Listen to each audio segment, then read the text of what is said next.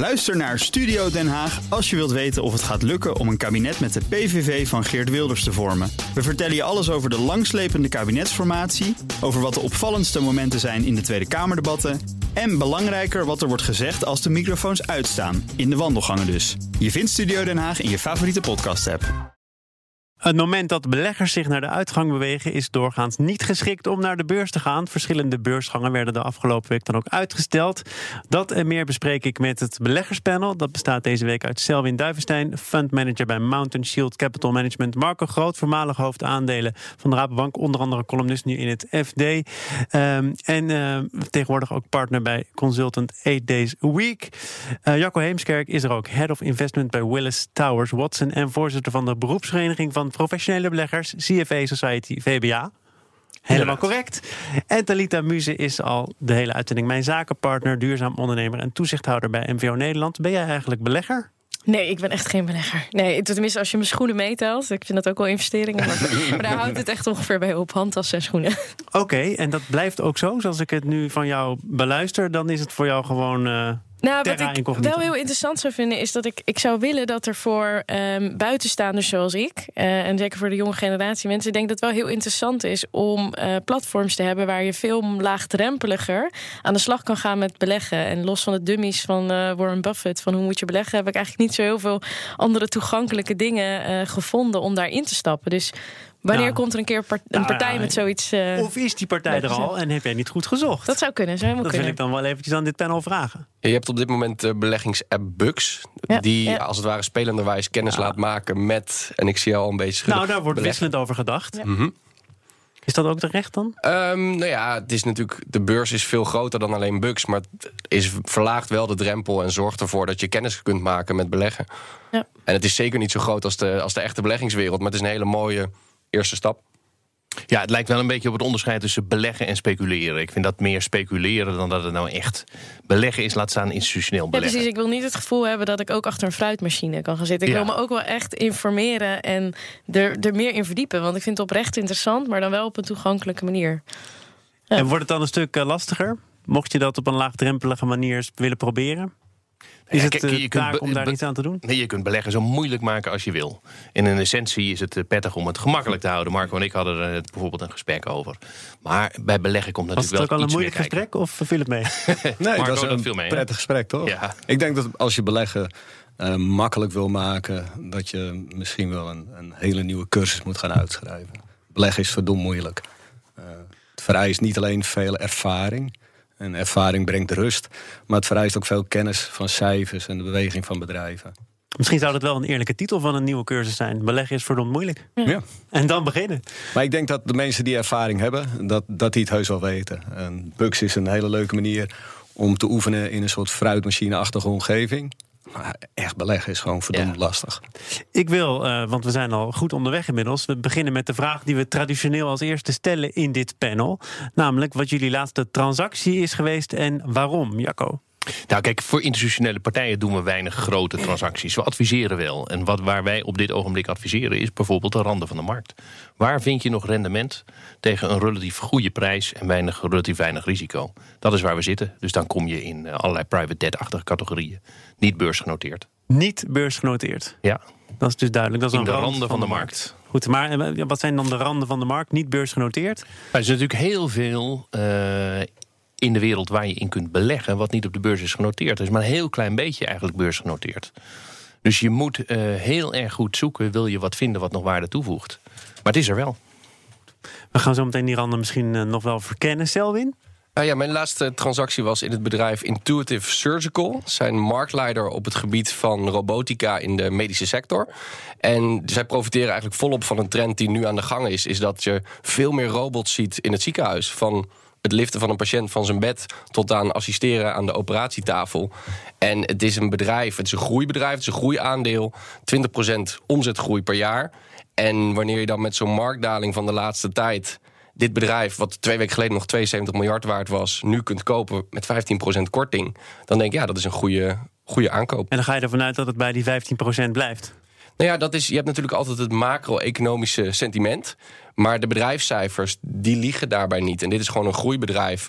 Um, en daarbij behoorlijk unieke belegging in een al dan niet trager wordende economie. Uh, Marco, ik eindig bij jou, ook omdat ik weet dat jij niet belegt, toch? Dat klopt. Waarom niet? Omdat ik alle vrijheid wil hebben om te schrijven en te zeggen wat ik wil. En ik wil nooit in een situatie terechtkomen dat iemand zegt: je praat naar je eigen portefeuille. Ik heb geen portefeuille. Dus mijn enige belegging is een uh, appartement voor mijn zoon. Omdat hij geen plekje kon vinden in de huurmarkt. Dus. Vind het, Mag ik wat over vragen? Ik vind dat heel interessant. Want is mhm. die relatie dan anders als je een belegging hebt... dan als je consument bent van een bedrijf? Want dan heb je toch ook, geef je ook geld eigenlijk. Een heel klein beetje maar. Maar dan geef je ook een heel klein beetje kapitaal aan een bedrijf. Dus waarom is dat voor jou dan echt een reden dat je zegt... dan kan ik niet meer onafhankelijk praten? Um, dat is niet omdat ik het zelf zo vind, maar omdat het de kritiek is die ik krijg. En ik wil die kritiek vermijden. Ik vind eigenlijk dat put your money where your mouth is. Dat is eigenlijk de manier waarop het zou moeten zijn, volgens mij. Echter, op het moment dat ik positief over iets ben in het Financieel Dagblad... iets wat onderbelicht is of een tijdje is achtergebleven... je hebt geen idee hoeveel mailtjes ik van mensen krijg die zeggen... hey, mm. heb je ze zelf al gekocht? Mm. En ik wil ten alle tijden zeker weten dat het antwoord nee is. Goed, nou dan hebben we toch nog best lang gesproken over iemand die geen transacties doet. Juist. Dus wij gaan uh, praten over uh, de week die voor een deel al achter ons ligt. Het was namelijk een teleurstellende week voor beleggers die dan weer uitkeken naar nieuwe namen op de beurs. Uh, Leaseplan bijvoorbeeld, in Spanje nog een groot olie- en gasconcern, Tencent Music. Beursgangen die werden afgelast met als overkoepelende reden het beursklimaat is slecht. Verslechtert ook nog. Is het logisch dat er dan gewacht wordt? Ja, je zoekt natuurlijk een, een goede prijs voor je aandeel. En als het beursklimaat dan niet mee zit, dan doe je het niet. Dan wacht je even. Ja, nou, ik, ik, ik wil dan wat dieper inzoomen op de beursgang die wij hier bij BNR het dichtste hebben gevolgd. Namelijk de voorgestelde beursgang van Leaseplan. Mhm. Die is volgens mij al een keer uitgesteld. Ik heb de topman een week voordat hij werd uitgesteld horen zeggen... dit is het moment, we gaan het toch nog een keer doen. Mhm. Om dan een week later te constateren... het sentiment is niet zo goed. Is dat wel zo'n goede zet? Ja, kijk, eh, alsnog, het blijft natuurlijk een, eh, een, een, een, eh, manier om je aandeel voor een zo hoog mogelijk prijs te verkopen. Als het beursklimaat tegenzit, doe je dat op dat moment niet. Dus ik kan me eigenlijk wel voorstellen dat hij zegt... Jawel, maar, maar had hij dat dan toch niet kunnen weten? Waarom kondig je dan ook op het moment dat de muziek er misschien al een klein beetje uit is... aan dat je het doet... En een week later is er kennelijk zoveel veranderd... waardoor het in één keer niet zo verstandig is. Ja, ik kan niet voor de topman van, uh, van Liesland spreken. maar is het niet zo dat het voor, voortraject al heel lang is? Het wordt maanden daarvoor in gang gezet. En pas in de laatste weken begint het te piepen en te kraken. Dus het is niet een. Uh, dus het ja of nee zeggen is niet gisteren zeggen we doen het en overmorgen is het gebeurd. Ze zijn al maanden bezig met voorbereiden. En in dat laatste stukje. NIBC heeft ook drie of vier keer uitgesteld in een periode van twee, drie, vier jaar. En wat dus- doet dat met een bedrijf? Hoe vaak kun je dat doen zonder dat je ook een beetje een lachertje wordt of een Heintje Davids? Of eh, ken je, ken je, dat, ken je die mop van Leaseplan al? Ja, ik denk niet dat een bedrijf heel snel een lachertje wordt. Het ligt ook een beetje aan de intentie. Hè? Als, het, als het groeifinanciering is en als je, als je kapitaal nodig hebt om te groeien, ja, dan, dan kan je altijd wel gaan. Maar als het gewoon simpelweg om te cashen is, ja, trekken terug en gaan een jaar later weer. En het sentiment is natuurlijk ook behoorlijk omgeslagen. Het was ineens de afgelopen twee weken... heeft er wel echt een significante daling plaatsgevonden. En als je dan kijkt naar bedrijven die wel naar de beurs zijn gegaan... Uh, grote namen zoals Sonos, Dropbox, uh, DocuSign, Spotify... Uh, die zijn allemaal echt wel significant lager... dan sinds het moment dat ze naar de beurs zijn gegaan. Dus ik begrijp de CEO van Leaseplan wel. Ja. ja, en ook de belegger natuurlijk. Hè? Want de belegger wil ook niet instappen in een, in een aandeel wat omlaag gaat. Nee, precies, want daar hebben, ze, daar hebben ze natuurlijk vooral naar gekeken. Waar moet je dan naar kijken? Want ik zag dat er werd gespiegeld aan een grote Franse concurrent. Beleggers wilden een korting hebben ten opzichte van die grote Franse concurrent. Is dat logisch? Is dat een goed referentiepunt? Ja, op zichzelf is een, een, een hele directe concurrent een goed referentiepunt. Ja. zeker. Ja, ik zou altijd zeggen van je, wanneer een bedrijf naar de beurs gaat, kijk je als allereerste, is er een vergelijkbaar bedrijf met een al bestaande waardering, al een bestaande uh, uh, omzet waar je aan kan refereren. Dus dat is zeker het geval. Er zijn overigens ook bedrijven die die beursgang gewoon hebben doorgezet. Hè? Opslagspecialist. Dat klinkt chic. Sureguard ging gisteren naar de beurs in Brussel. Noteerde ook meteen uh, een winst van. Gisteren was het in ieder geval 5 procent. Heb je het dan goed gedaan of heb je dan misschien zelfs tot te laag ingezet? Hoe werkt zoiets? Nou ja, belangrijk is wel om te kijken dat niet per se alleen naar de eerste beursdag. Want er wordt altijd een range afgegeven. Er wordt wel veel gedaan, toch? Die eerste beursdag is belangrijk. Ja, en daarom hebben ze, zijn ze aan de onderkant van de range naar de beurs gegaan. En daarom was ook die, uh, die eerste beursdag was positiever. Uh, de range op top geloof ik 28 euro. Um, als het werkt heel... helemaal aan de onderkant van die bandbreedte, Precies. 23 euro. Ja, precies. En als je dan op 23 naar de beurs gaat en blij bent met 5% stijging, terwijl je eigenlijk in een positief scenario uitging van op 28 naar de beurs en misschien dan nog een stijging, dan denk ik dat die eerste beursdag positief in dit geval niet zoveel zeggend nee. is. Maar verschil, verschilt dit ook nog per bedrijf? Want ik kan me voorstellen bij die namen die net werden genoemd, de Spotify-achtige bedrijven, dat het daar die beursgang heel sensationeel moet zijn. Maar bij zo'n ander bedrijf, zo'n Surecard of opslagspecialist, wat dan ook, misschien maakt het dan minder uit op welk moment je met welk beursklimaat je instapt. Of ja, ik, ik denk dat een, een SureGuard is bijna een obligatie. Hè? Ik bedoel, het is gewoon een, verhuurbedrijf wat kleine units verhuurt. Hè? Dus de retentieratio van klanten is heel groot. Je kan redelijk goed berekenen wat de kaststroom is. Dus je kan ook een redelijk goed dividend betalen. Dat is niet te vergelijken met Spotify. Er zit geen risico in, weinig. er, zit, er, zit, minder risico in. In ieder geval minder sentimentsrisico. Je, je wordt eigenlijk gedempt door het rendement. En dus de, de koersdalingen worden gedempt door het, door het rendement wat het bedrijf kan betalen. Bij een bedrijf als Spotify is er geen rendement. Er is groeifinanciering. Dus daar moet je op een heel andere manier naar kijken. En hoe moet, je, hoe moet je inderdaad, zoals net al de strategie uitgelegd, spelen met zo'n eerste beursdag? Door helemaal aan de onderkant van de bandbreedte naar de beurs te gaan en vervolgens misschien wel een enorme felicitatie hoogst teweeg brengen met 5% winst. Hoe moet je dat wegen? Nou, ik denk dat, dat alle twee die elementen meespelen. Of je helemaal aan de onderkant van de bandbreedte naar de beurs moet, dat weet ik niet en dat uh, zal ik ook niet zeggen. Maar het is wel prettig als uh, die eerste beursdag en de periode daarna gewoon positief verloopt. En niet dat je een enorme uh, koersval in het aandeel meemaakt. En we hadden het al even over het beurssentiment en dat dat ook reden kan zijn om een beursgang voorlopig nog even uit te stellen. Het is ook wel een klein beetje natte vingerwerken. Het beurssentiment peilen op basis van de koersen. Uh, maar je kunt wel zeggen, tenminste zo is de teneur inmiddels... het glas is eerder half leeg dan half vol.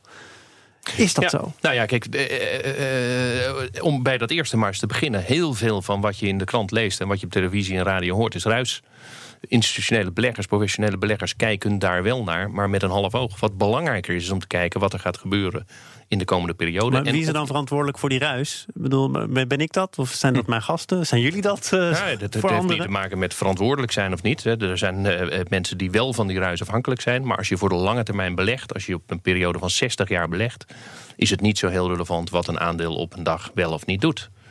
Maar wel wat het over een periode van 60 jaar nou, Maar je, je, je, zag bijvoorbeeld ook uh, vorige week uh, alweer live blogs van Bloomberg... die het allemaal voor minuut op minuut wilden bijhouden... want we zouden een enorme daling gaan meemaken. Ja. toen hebben we het hier ook gehad over... is er al paniek of wordt die paniek ons ook aangepraat? Wordt het sentiment ons aangepraat? Is dat allemaal een beetje aan de orde? Nou, natuurlijk wordt sentimentje een beetje aangepraat. Want als er uh, beweging op de beurs is, dan ga ik ook zitten kijken. Maar tegelijkertijd zie ik institutionele partijen dan niet in paniek hun hele portefeuille omgooien. Hooguit dat ze gaan nadenken om wat minder risico te nemen in die portefeuille. Of via uh, intelligente derivatenconstructies bepaalde risico's af te dekken.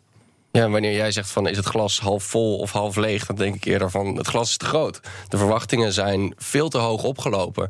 Uh, als je kijkt naar de koers-winstverhoudingen, die waren eigenlijk hoger dan ooit. En nog in de Verenigde Staten.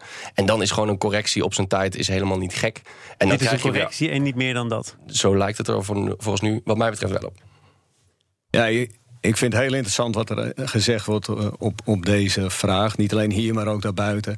Ik denk dat het glas vol zit. Um, maar ik denk dat er te, te, veel mensen zijn die aan tafel zitten en dan uh, eraan lopen te rammelen. Waar we in het begin ons niet heel erg zorgen over maakten. over wat meneer Trump deed of wat, wat Rusland in het buitenland uitspookte. Dat lijkt zich op, op, op het ogenblik allemaal op te stapelen en te gaan overwegen. We zitten in een fenomenale upgrade cycle die volgens mij nog steeds niet ten einde is.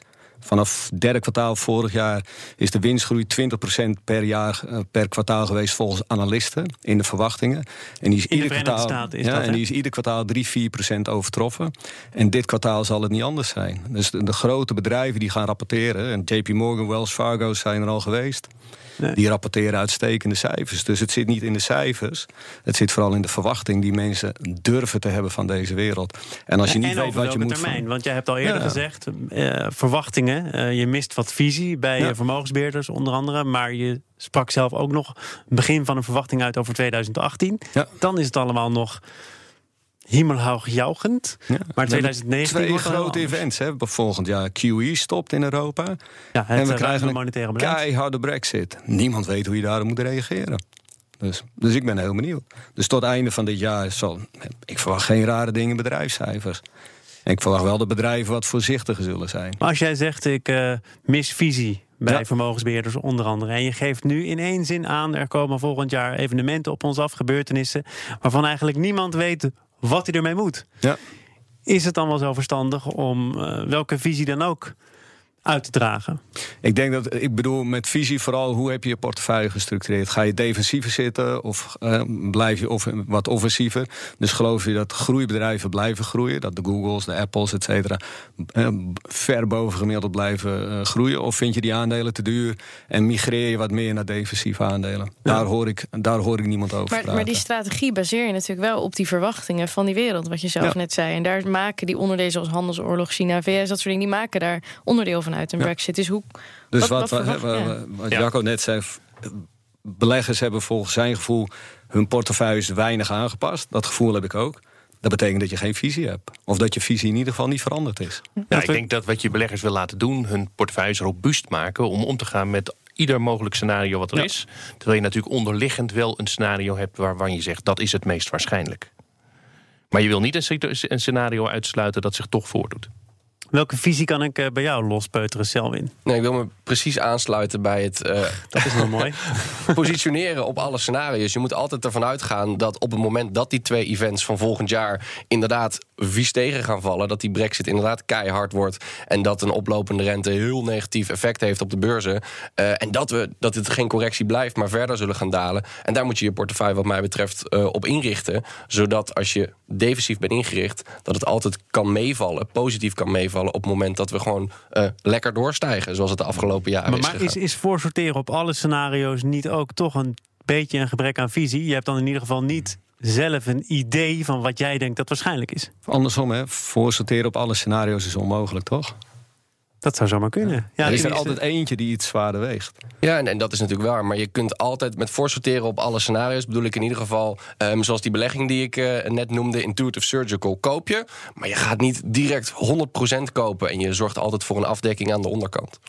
Zijn jullie het eens met wat Marco schreef in het FD 2018? Dat wordt nog een heel goed jaar. Daarin zullen alle verwachtingen ook wel ongeveer worden ingelost, worden waargemaakt. 2019 wordt misschien al een heel ander verhaal. Nou, kijk, onze eigen visie is dat het nog wel een maand of uh, eh, 12 tot 18 goed blijft. Daar deel ik jouw eh, visie, Marco. Zijn we dus al in 2020? Ja, dat zou heel goed kunnen. En, en daarna wordt het echt lastiger, omdat alles wat ons mee heeft gezeten in de afgelopen jaren langzamerhand loskomt. Hè? Dus de fiscale ondersteuning, de monetaire verruiming, alles wat je goed hebt zien gaan, valt er dan één per één af. Die komt toch ook los omdat het zo goed gaat? Omdat je op een gegeven moment ook als eh, Europese Centrale Bank zou kunnen denken: Nou, de economie, economie groeit als een gek. Waarom zijn we eigenlijk nog met dit beleid bezig? Gedeeltelijk is dat waar, maar uh, zolang je het hebt, ondersteunt het en jaagt het uh, extra aan. Net zoals dat rente die uh, omlaag is gestuurd, is als een bal die je onder water houdt. Op het moment dat je die loslaat, komt die een keer omhoog springen.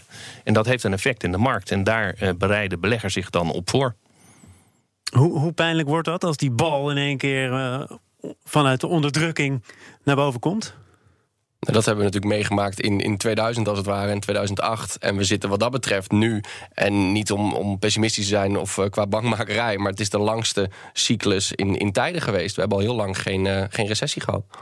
Ik wil nog even naar het eh, cijferseizoen. Dat hebben we de luisteraar ook beloofd. Dus daar moeten we ook uh, gestalte aan geven.